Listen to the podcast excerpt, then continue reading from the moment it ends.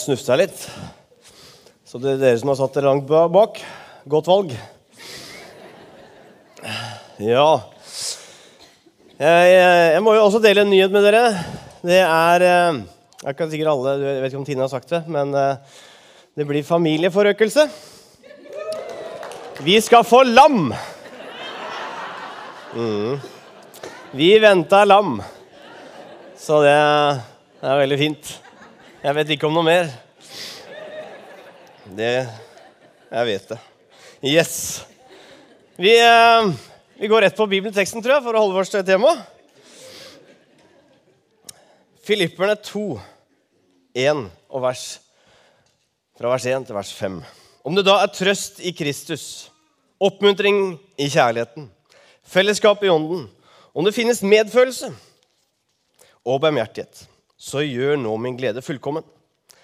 Ha samme sinnlag og samme kjærlighet. Vær ett i sjel og sinn. Gjør ikke noe selvhellelse og tom ærgjerrighet. Men vær ydmyke og sett de andre høyere enn dere selv. Tenk ikke bare på deres eget beste, men også på de andres. La samme sinnlag være i dere som også var i Kristus Jesus. Jesus, jeg takker deg for at vi får lov til å si 'O store Gud', for det er det du er. Og du er her eh, sammen med oss nå. Jeg ber om at vi kan få erfare det, og at du blir større for oss, og hva du ønsker for våre liv. I Jesu Kristi navn. Amen. Når jeg har eh, samtaler eh, med mennesker om tro, om det er unge eller gamle eller de som nærmer seg grava, og vi snakker om tro, så er det viktig for meg at eh, de forstår at de er rettferdiggjort, rettferdiggjort ved tro. Og det er viktig for meg å si til dere også. At du og jeg vi er frelst bare pga. tro alene. Det handler ikke om hva du og jeg skal prestere. Det handler nettopp om hva Jesus har gjort. Og Et av de beste, bildene jeg syns med det, det er når Jesus henger på korset. Ved korset så er det, siden av Jesus så er det to røvere, én på hver side. Den ene faktisk avslutter med å slenge dritt til Jesus og si stygge ting til Jesus. Mens på den andre sida er det en som sier, 'Vet du hva? Jesus, han er uskyldig.' Vi henger her fortjent, men Jesus er uskyldig. Og så sier han til Jesus, 'Tenk på meg.' Og så snur Jesus seg til han og sier, 'Vet du hva? I dag skal du bli med meg til paradis.' Han sa bare 'tenk på meg'. Han kunne ikke gå ned fra korset for å rette opp de tingene han hadde gjort. Det var en grunn til at han var røver. Han hadde tydeligvis gjort noe gærent. Så han kunne ikke rette opp det. Han fikk heller ikke vise at han kunne noe. Han sa 'tenk på meg'. Og det viser litt om at du og jeg, vi også, at vi er frelst ved tro. At det handler om å tro. At det handler om å ta imot hva Jesus har gjort, ene alene. Og så gikk jo Jesus rundt her på jorda, og Jesus han ble ofte utfordra når han gikk her. Og Folk kom gjerne med spørsmål og stilte noen spørsmål. Og Det var annet en som stilte spørsmål. Hvis du skal liksom summere opp hva er det viktige her i livet, hvis du skal summere opp liksom loven og skriftene, så sier Jesus i Matteus 22, 37, 39 Du skal elske Herren din Gud av hele ditt hjerte og hele din sjel og all din forstand. Dette er det største og første budet. Men et annet som er like stort. Du skal elske din neste som deg selv. Det er naturlig når man spør liksom Jesus, menneskesønnen, hva er liksom og i vår tro da, hva er liksom det viktige her? Jo, det er selvfølgelig vi snakker om en uh, Gud. Ja, Det er naturlig at vi skal elske Han. Det er klart. Men så sier noe annet også. Du skal elske også de neste. Og status per i dag, det er at du og jeg vi lever her på jorda. Det er her vi er. Du er ute blant mennesker. Du går og legger deg. Og nesten overalt så er det mennesker. Eh, I Skien eh, så er det eh, nærmere oss 50 000. Og i hele jorda så er det ca. 7,3 milliarder mennesker. Det hadde jo vært deilig å være aleine helt på jorda, hadde ikke det? Aldri i kø på butikken. Kunne liksom bare gå rett til kassa. Slapp faktisk ikke å betale engang. Kanskje. Eller når noen, det var liksom ingen som klagde på det heller. Du var aleine. Men sånn er det ikke. Kanskje du tenker heldigvis. Jeg syns det, det, er deilig å være litt aleine, men det får være måte på. Det er folk overalt. Og fra du blir født, så første du ser, er sannsynligvis ei dame i hvit frakk som tar deg imot. Og så kommer du opp på mors fang, og så etter hvert så blir det bare flere og flere. Og så opplever du det at hvor eldre du blir, vanvittig mye folk det er på den jorda her. Og Hvis ikke du har fått det med deg, så vil jeg si at en av grunnene til at du og jeg er her, og hva livet handler om, så handler livet om mennesker. Jesus var tydelig med oss at vi skal elske Gud. Og så sa han også noe annet, noe som var like stort. sa han. Det er at du skal elske din neste som deg selv. Jesus han likestiller det å elske Gud som å elske andre. Tenk deg det, da. At det er Gud han elsker like mye den raringen som sitter ved siden av deg. At vi skal elske den. Ja, det er noe til begynne å le av. Det er for godt til å være sant. Hæ? Men det er det Jesus sier. Han utfører oss å elske den som sitter ved siden av deg, like mye som vi skal elske Gud. Hør hva Jesus sier i Matteus 25, 42 Jøss, navnet der, begynner å riste her nå. 42 til vers 45. Så sier han For jeg var sulten, og dere ga meg ikke mat, han. Jeg var tørst, og dere ga meg ikke drikke. Jeg var fremmed, og dere tok ikke imot meg. Jeg var naken, og dere kledde meg ikke. Jeg var syk og i fengsel, og dere så ikke til meg. Da skal de svare, Herre, når så vi deg et sulten eller tørst eller fremmed eller naken eller syk i fengselet uten å komme og hjelpe til deg? Da skal han svare dem, sannelig, jeg sier dere, det dere ikke gjorde mot en av mine minste, har dere heller ikke gjort mot meg. Jesus går så langt og sier at det, det du ikke gjør med den som sitter ved siden av deg, det gjør du heller ikke mot Jesus. Jesus ønsker at du og jeg vi skal ha et hjerte for andre, ikke at vi skal se ned på andre. Jesus han er tydelig på at han elsker alle. Og er det noe Jesus løfta opp når han gikk her omkring, ikke her i Skien, litt lenger syd, så var det det at vi skal være opptatt av andre. Jesus han var opptatt av relasjoner. For det er det du og jeg omgås med. Vi omgås med mennesker. Jeg tror at En av grunnene til at Jesus sier at vi skal elske alle, det er fordi Jesus elsker alle. Han elsker alle allerede. Og en måte han kan vise sin kjærlighet på, det er å bruke meg og deg. At vi skal være gode mot hverandre. For han ønsker jo ikke at noen skal bli såra. Han ønsker ikke at noen skal bli lei seg. Så derfor trenger han meg og deg til å være gode mot hverandre. Jeg har nok kanskje vært litt treig, og jeg har hørt en del taler. Men det er på en måte nå i det siste jeg har skjønt hva er det egentlig handler om. Hva er det livet handler om? Og hva er det handler om egentlig om å være kristen? Jo, det handler om relasjoner. Det handler om å ha en relasjon til Gud. Og så handler det også om relasjoner til andre. En av de tinga som fikk meg til å tenke ja, stemmer, er det såpass mye det var når det var snakk om de ti bud. Og Hvis jeg sier til deg, hvis du skal si et kjapt svar Hvor mange av de ti bud handler egentlig om Gud? Da kom fasiten ganske kjapt. Men hvis jeg tenkte sjøl, så tenkte jeg ja, cirka, i hvert fall, hvert fall halvparten. Nå skal vi se på de, går sammen om de. Der står det Første er du skal ikke ha andre guder enn meg. Den er ganske grei. Det handler om Gud. Og nummer to, du skal ikke misbruke Guds navn heller. Det er om Gud. Du skal holde hviledagen hellig. Hvem er den for? Jo, den er for oss mennesker. Du skal hedre inn Gud og min far. Hedre din mor og din, hedre din far og din mor. Hedre din Gud og din far, ja. Det er jo veldig spesielt. Har dere hørt den før? Nei. Du skal hedre din far og din mor. Det handler om relasjoner. Du skal ikke slå i hæl. Det handler om relasjon. Du skal ikke bryte ekteskapet. Det handler om relasjon. Du skal ikke stjele. Det handler om relasjon. Du skal ikke tale usant. Relasjon. Du skal ikke begjære din nestes eiendom. Det er snakk om også relasjon. Du skal ikke begjære din nestes ektefelle eller hans arbeidsfolk eller andre som hører, hos, hører, til hos din neste. Det handler om relasjon. To av de her handler om Gud. Resten handler om relasjoner. Så Hvis vi er så gode i matte, så, hvis vi er gode i matte, så tenker jeg ja, åtte av ti handler om relasjoner. 80% Så det vil si at Gud han er opptatt av relasjoner. Han er opptatt av hvordan du og jeg møter hverandre. Buden om at du skal ikke lyve, du skal ikke bryte ekteskapet, du skal ikke stjele osv. Det handler ikke om Gud. Det handler om oss relasjoner. For Gud ønsker ikke at noen skal bli såra. Mitt håp til nå er at dere har fått med dere tankerekken. At vet Du hva? Du er høyt elska.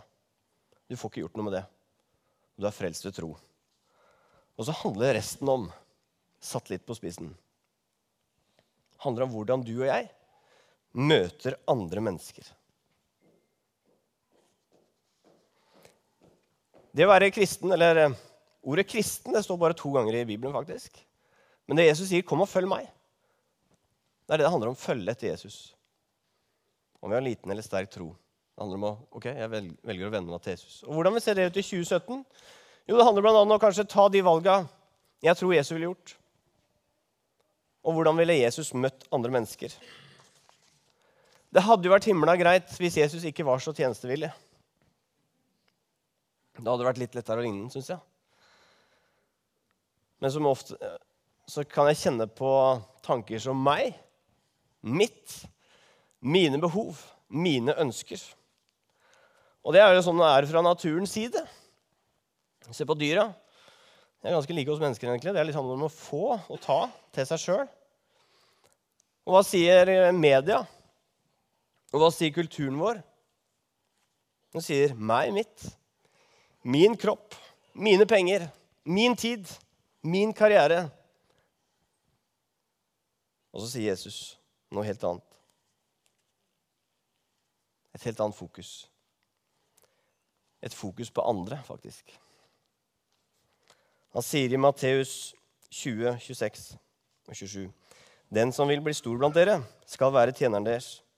Og den som vil være først blant dere, skal være slaven deres. Jesus han snur det totalt på huet. Jesus gikk her på jorda. Han var jo tross alt Gud. Og det kunne man tenke at ja, Han satte seg høyt oppe, men hva gjorde Jesus? Han vaska disiplenes føtter. Og han vaska meg og deg. Jesus kom for å vaske oss. Jesus har vaska deg, han som var Gud. Vi kan tenke at jeg må gjøre meg jeg må gjøre, fortjene til det her, jeg må vaske meg liksom sjøl. Men hva gjorde Jesus? Han har gjort jobben. Det står at Jesus tok på seg en tjenerskikkelse. Og det er ikke et ord vi bruker mye i dag. Men hva handler om å tjene andre, som Jesus ønsker at vi skal gjøre? Det handler kanskje om at vi har fokus på andre mennesker istedenfor sjøl. Å være opptatt av andres behov. En har sagt at når du tjener andre, så gir du slipp på noe du sjøl ville gjort, og heller gjør noe for et annet menneske på dens premisser. Henger dere med? Det handler om et nytt fokus. I Filipperne 2, som vi starta med å lese, så er det Paulus som skriver det her til menigheten i Filippi. Han kunne like godt ha skrevet det på oss på vår Facebook-side til dere. Står det Tenk ikke bare på deres eget beste, men også de andres. La samme sinnelag være i dere, som også var i Kristus Jesus. Tenk ikke bare på deres eget beste, men også de andres. Paulus han vet åssen det er å være menneske. Han vet å kjenne på egoismen sikkert sjøl. Han liksom gir litt. Tenk ikke bare på deg sjøl, men også de andres. Men jeg kjenner meg sjøl, kanskje noen andre er med meg også. Liksom I situasjoner kan vi tenke hva er det jeg får ut av det her? Hva kan jeg oppnå? Kommer sammen liksom og skal et sted. Men hva får jeg igjen for det her? Hva får jeg? Og jeg tror Noen ganger må vi tørre å spørre oss sjøl hvorfor gjør du det du gjør. Er det for egen vinning? Eller tenker også på hva andres premisser er, hva andres behov er? Paulus gir noen utfordringer om ikke bare øynene opp for oss sjøl, men andres også. Hva kan du gjøre, hva kan jeg gjøre for at den personen får en bedre hverdag? Hvordan kan jeg møte dine behov? Og dette med å tjene er kanskje ikke først og fremst her i kirken. Men det handler om hvordan møter du de rundt deg. De hjemme, hvordan oppfatter de deg? Barna dine, familien din, arbeidsplassen. Hvordan opplever de deg? Vi må vende også våre interesser. Ikke bare tenke på min interesse, fortelle om den, mine behov. Men hva om vi begynner å lytte til andres? Finner ut hva er egentlig dine behov? Hva er dine interesser? Hva må interessere seg inn i andres interesser? Jeg kjenner at det her utfordrer meg, for det er, det er på en måte et nytt tankesett. At vi vrir litt på det. Men det er det det handler om, faktisk, å være kristen. Å gi aka på seg sjøl og begynne å se på andre. Og hva kan vi gjøre? Og til vi som er litt egoister, så har det gått med noen sukkerbiter, noe som kan trigge oss litt. Og jeg har gjerne, sånn når meg og Tine puster opp, så gjør jeg liksom en deal. Eller jeg får en deal ut av Tine. Hvis jeg maler det rommet der, da kan jeg ha fri. liksom. Da liksom får jeg en sukkerbit. Og til dere så har jeg en sukkerbit her. Og det er faktisk gjort undersøkelser på at det å hjelpe andre, det gir god helse. Har dere hørt om oksytocin? Er det noen som har hørt om det her? Ja? Nå vet jeg, Da må jeg sjekke mine, om det er riktig her. altså. Men det er i hvert fall et stoff som hjernen produserer. Jeg nikker foreløpig, så er det riktig her, ja. Og det er i hvert fall det er leste så er det noe som produseres når vi gjør noe godt for andre. Der så bare nikke. Mm, det kan, eh, men det er i hvert fall det jeg. Og det stoffet fører, fører til at du føler deg bedre. Det fås ikke på resept. Du får ikke kjøpt det på Litauen, og heller ikke en ny Arkaden, tipper. Men det er stoff som hjernen produserer sjøl. Og studier viser at når du hjelper andre, så hjelper det mot stress og depresjon. Så er du stressa, så er det bare til å begynne å gjøre godt mot andre. Og Forskning viser også at noe, når du gjør noe aktivt for andre over tid, så får du lavere blodtrykk. Så til dere med høyt blodtrykk skjerp dere. Eller hvis du har eh, lavt blodtrykk og har lyst på kake, og tenker nå skal jeg holde det der, så er det bare til å tjene og spise god kake med god samvittighet. Det viser også at når du gjør noe godt for andre, så skaper det selvtillit. Det viser at du kan. Man tenker at ja, jeg kan bety noe. Og noen har sagt at en vei ut av ensomheten, eller å være ensom, det er å begynne å gjøre noe godt mot andre. Være med og bidra. Så skaper det også relasjoner. Vi kan tenke Hvem kommer egentlig til meg? Hvem er det som besøker meg? liksom? Spør heller deg sjøl hvem kan jeg besøke? Istedenfor å tenke hvordan kommer jeg inn i den vennegjengen der? Tenk heller hvem er jeg kan invitere i mitt nettverk, inn i mitt liv. Vi ønsker at dere skal bli med en smågruppe, komme inn i mindre fellesskap for å bli bedre kjent. Skape relasjoner. Men jeg tror også dette med tjenester gjør at eh, vi kommer tettere sammen. Man blir bedre kjent. Beklager dette. Overskriften jeg satte til talen, det var 'Penger kan gjøre lykkelig'. Og hvis du tenker her at endelig skulle vi begynne å snakke om penger, eller hvordan kan jeg bli lykkelig, og så har du ikke begynt å snakke om det enda, så kommer altså. Kanskje du tenker at penger er noe tull. Tenker at penger gjorde meg litt glad, men så kom regninga. Men faktisk en undersøkelse hvis vi får opp den, fra selveste Howard Business School så står det at uh, Money buy happiness when you spend on others. Penger kan gjøre deg lykkelig hvis du bruker dem på andre. Og hvis du tenker, fikk tanken om at uh, henge an, Torbjørn, jeg tenkte endelig kunne jeg få noe mer penger her, gjøre meg mer lykkelig, så var det egoismen som kom inn.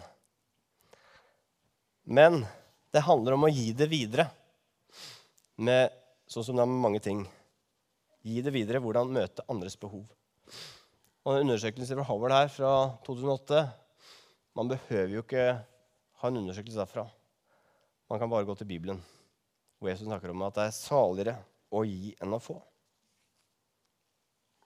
Det står i Apostelens gjerning 2035. Saligere å gi enn å få. Det er en glede å gi. Gi noe videre.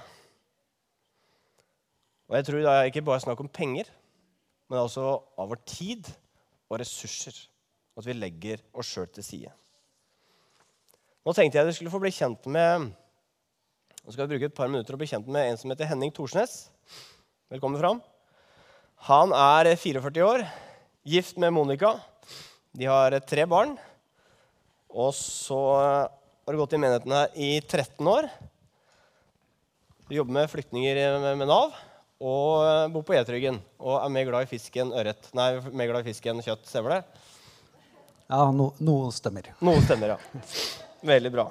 Men du, Enning, du er en av de i menigheten vår som er med og tjener og har tjeneste her.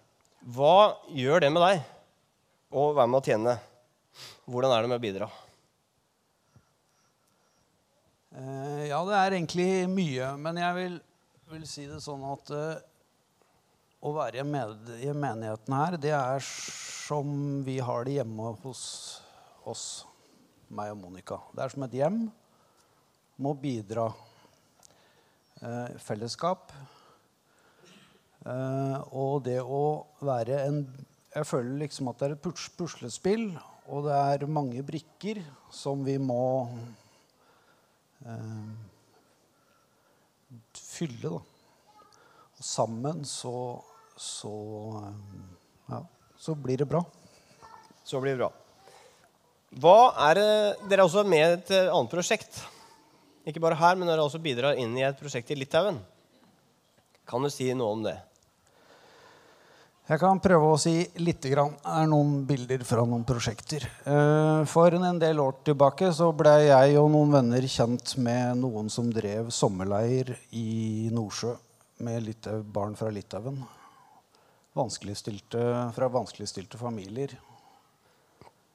Eh, så har dette utviklet seg til at vi driver en liten organisasjon som heter Family Support Lithuania hvor vi hovedsakelig er en humanitær forening som jobber i, på bygda i Litauen. Det er store forskjeller mellom eh, by og bygd i Litauen. Høy arbeidsledighet, lite utvikling. Eh, mye av de små bygdene er jo gjenværende hus fra de områdene som hadde kollektivbruk. Uh, ja.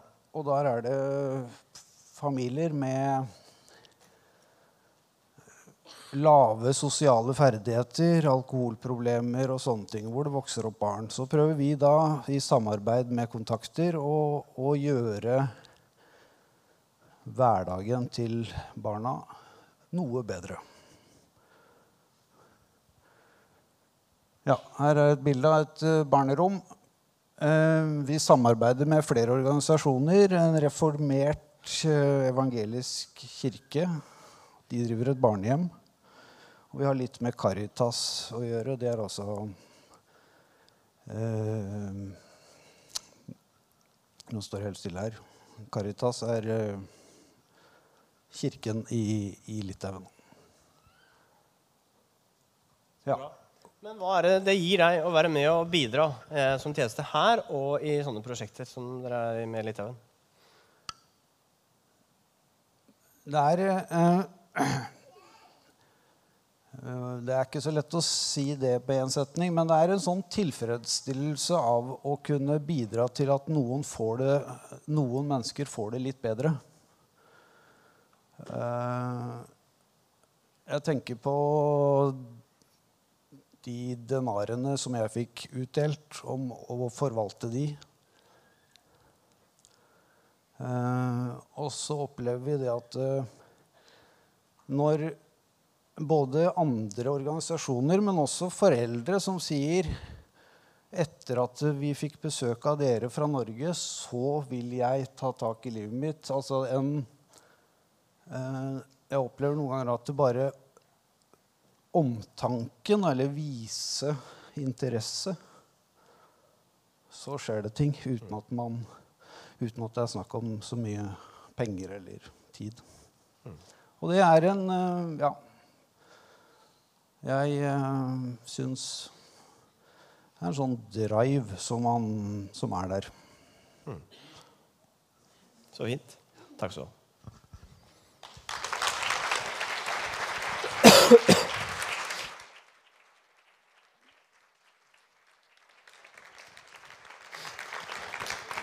Jeg vil bare gi takk til Henning og alle dere som er med og bidrar her i kirken vår.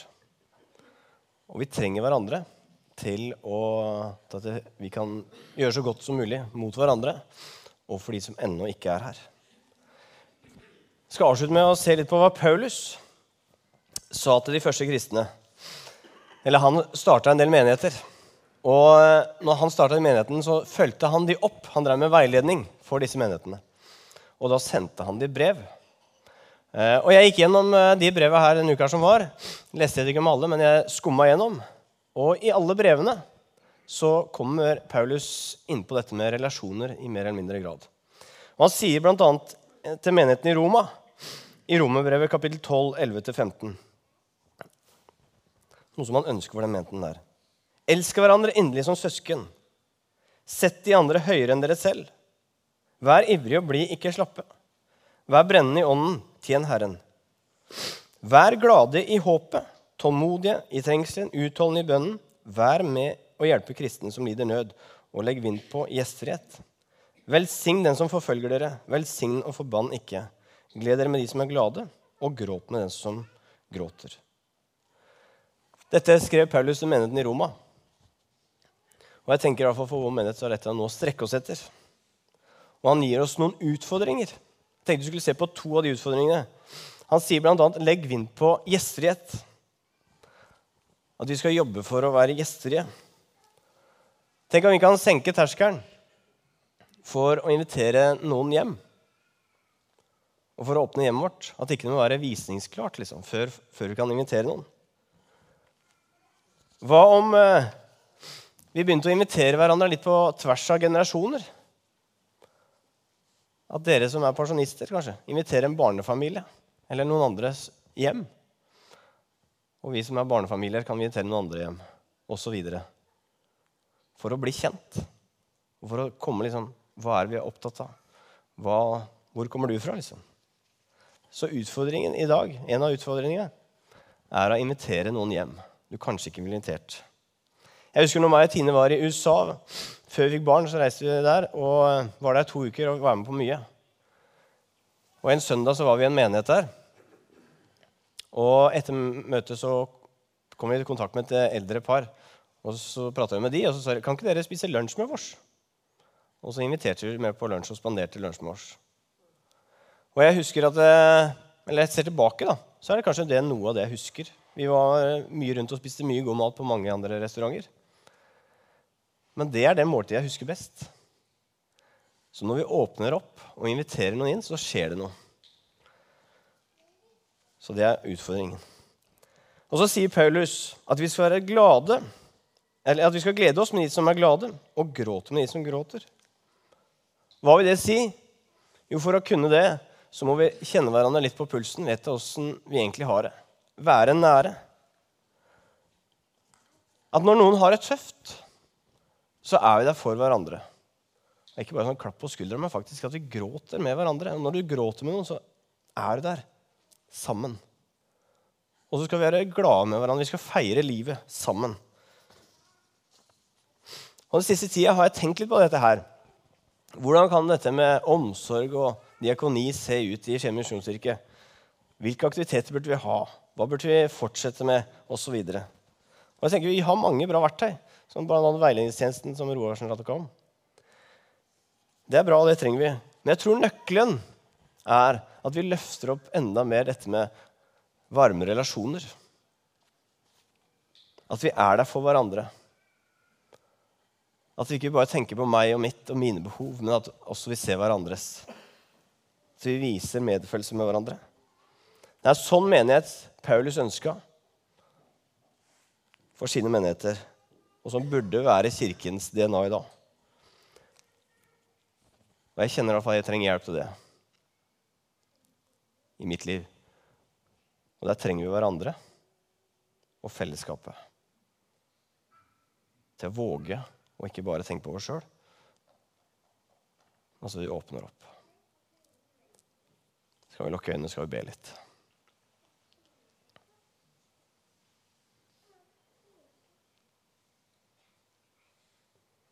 Mens vi har øynene igjen nå, så vil jeg utfordre deg til å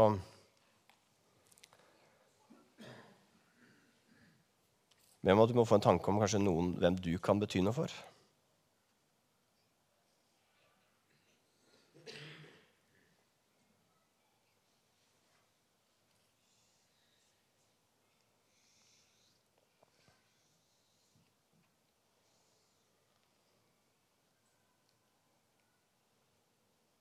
Kjære Jesus, takk for at du er her sammen med oss. Takk for at vi er høyt elska av deg.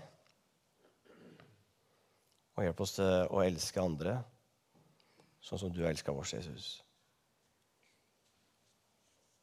Nå ser du hvem vi har blitt minna på, eller hvem og hva det var.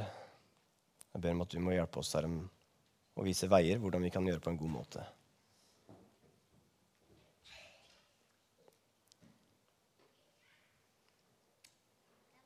I Jesu navn. Amen. Nå skal vi få en solosang. Oceans.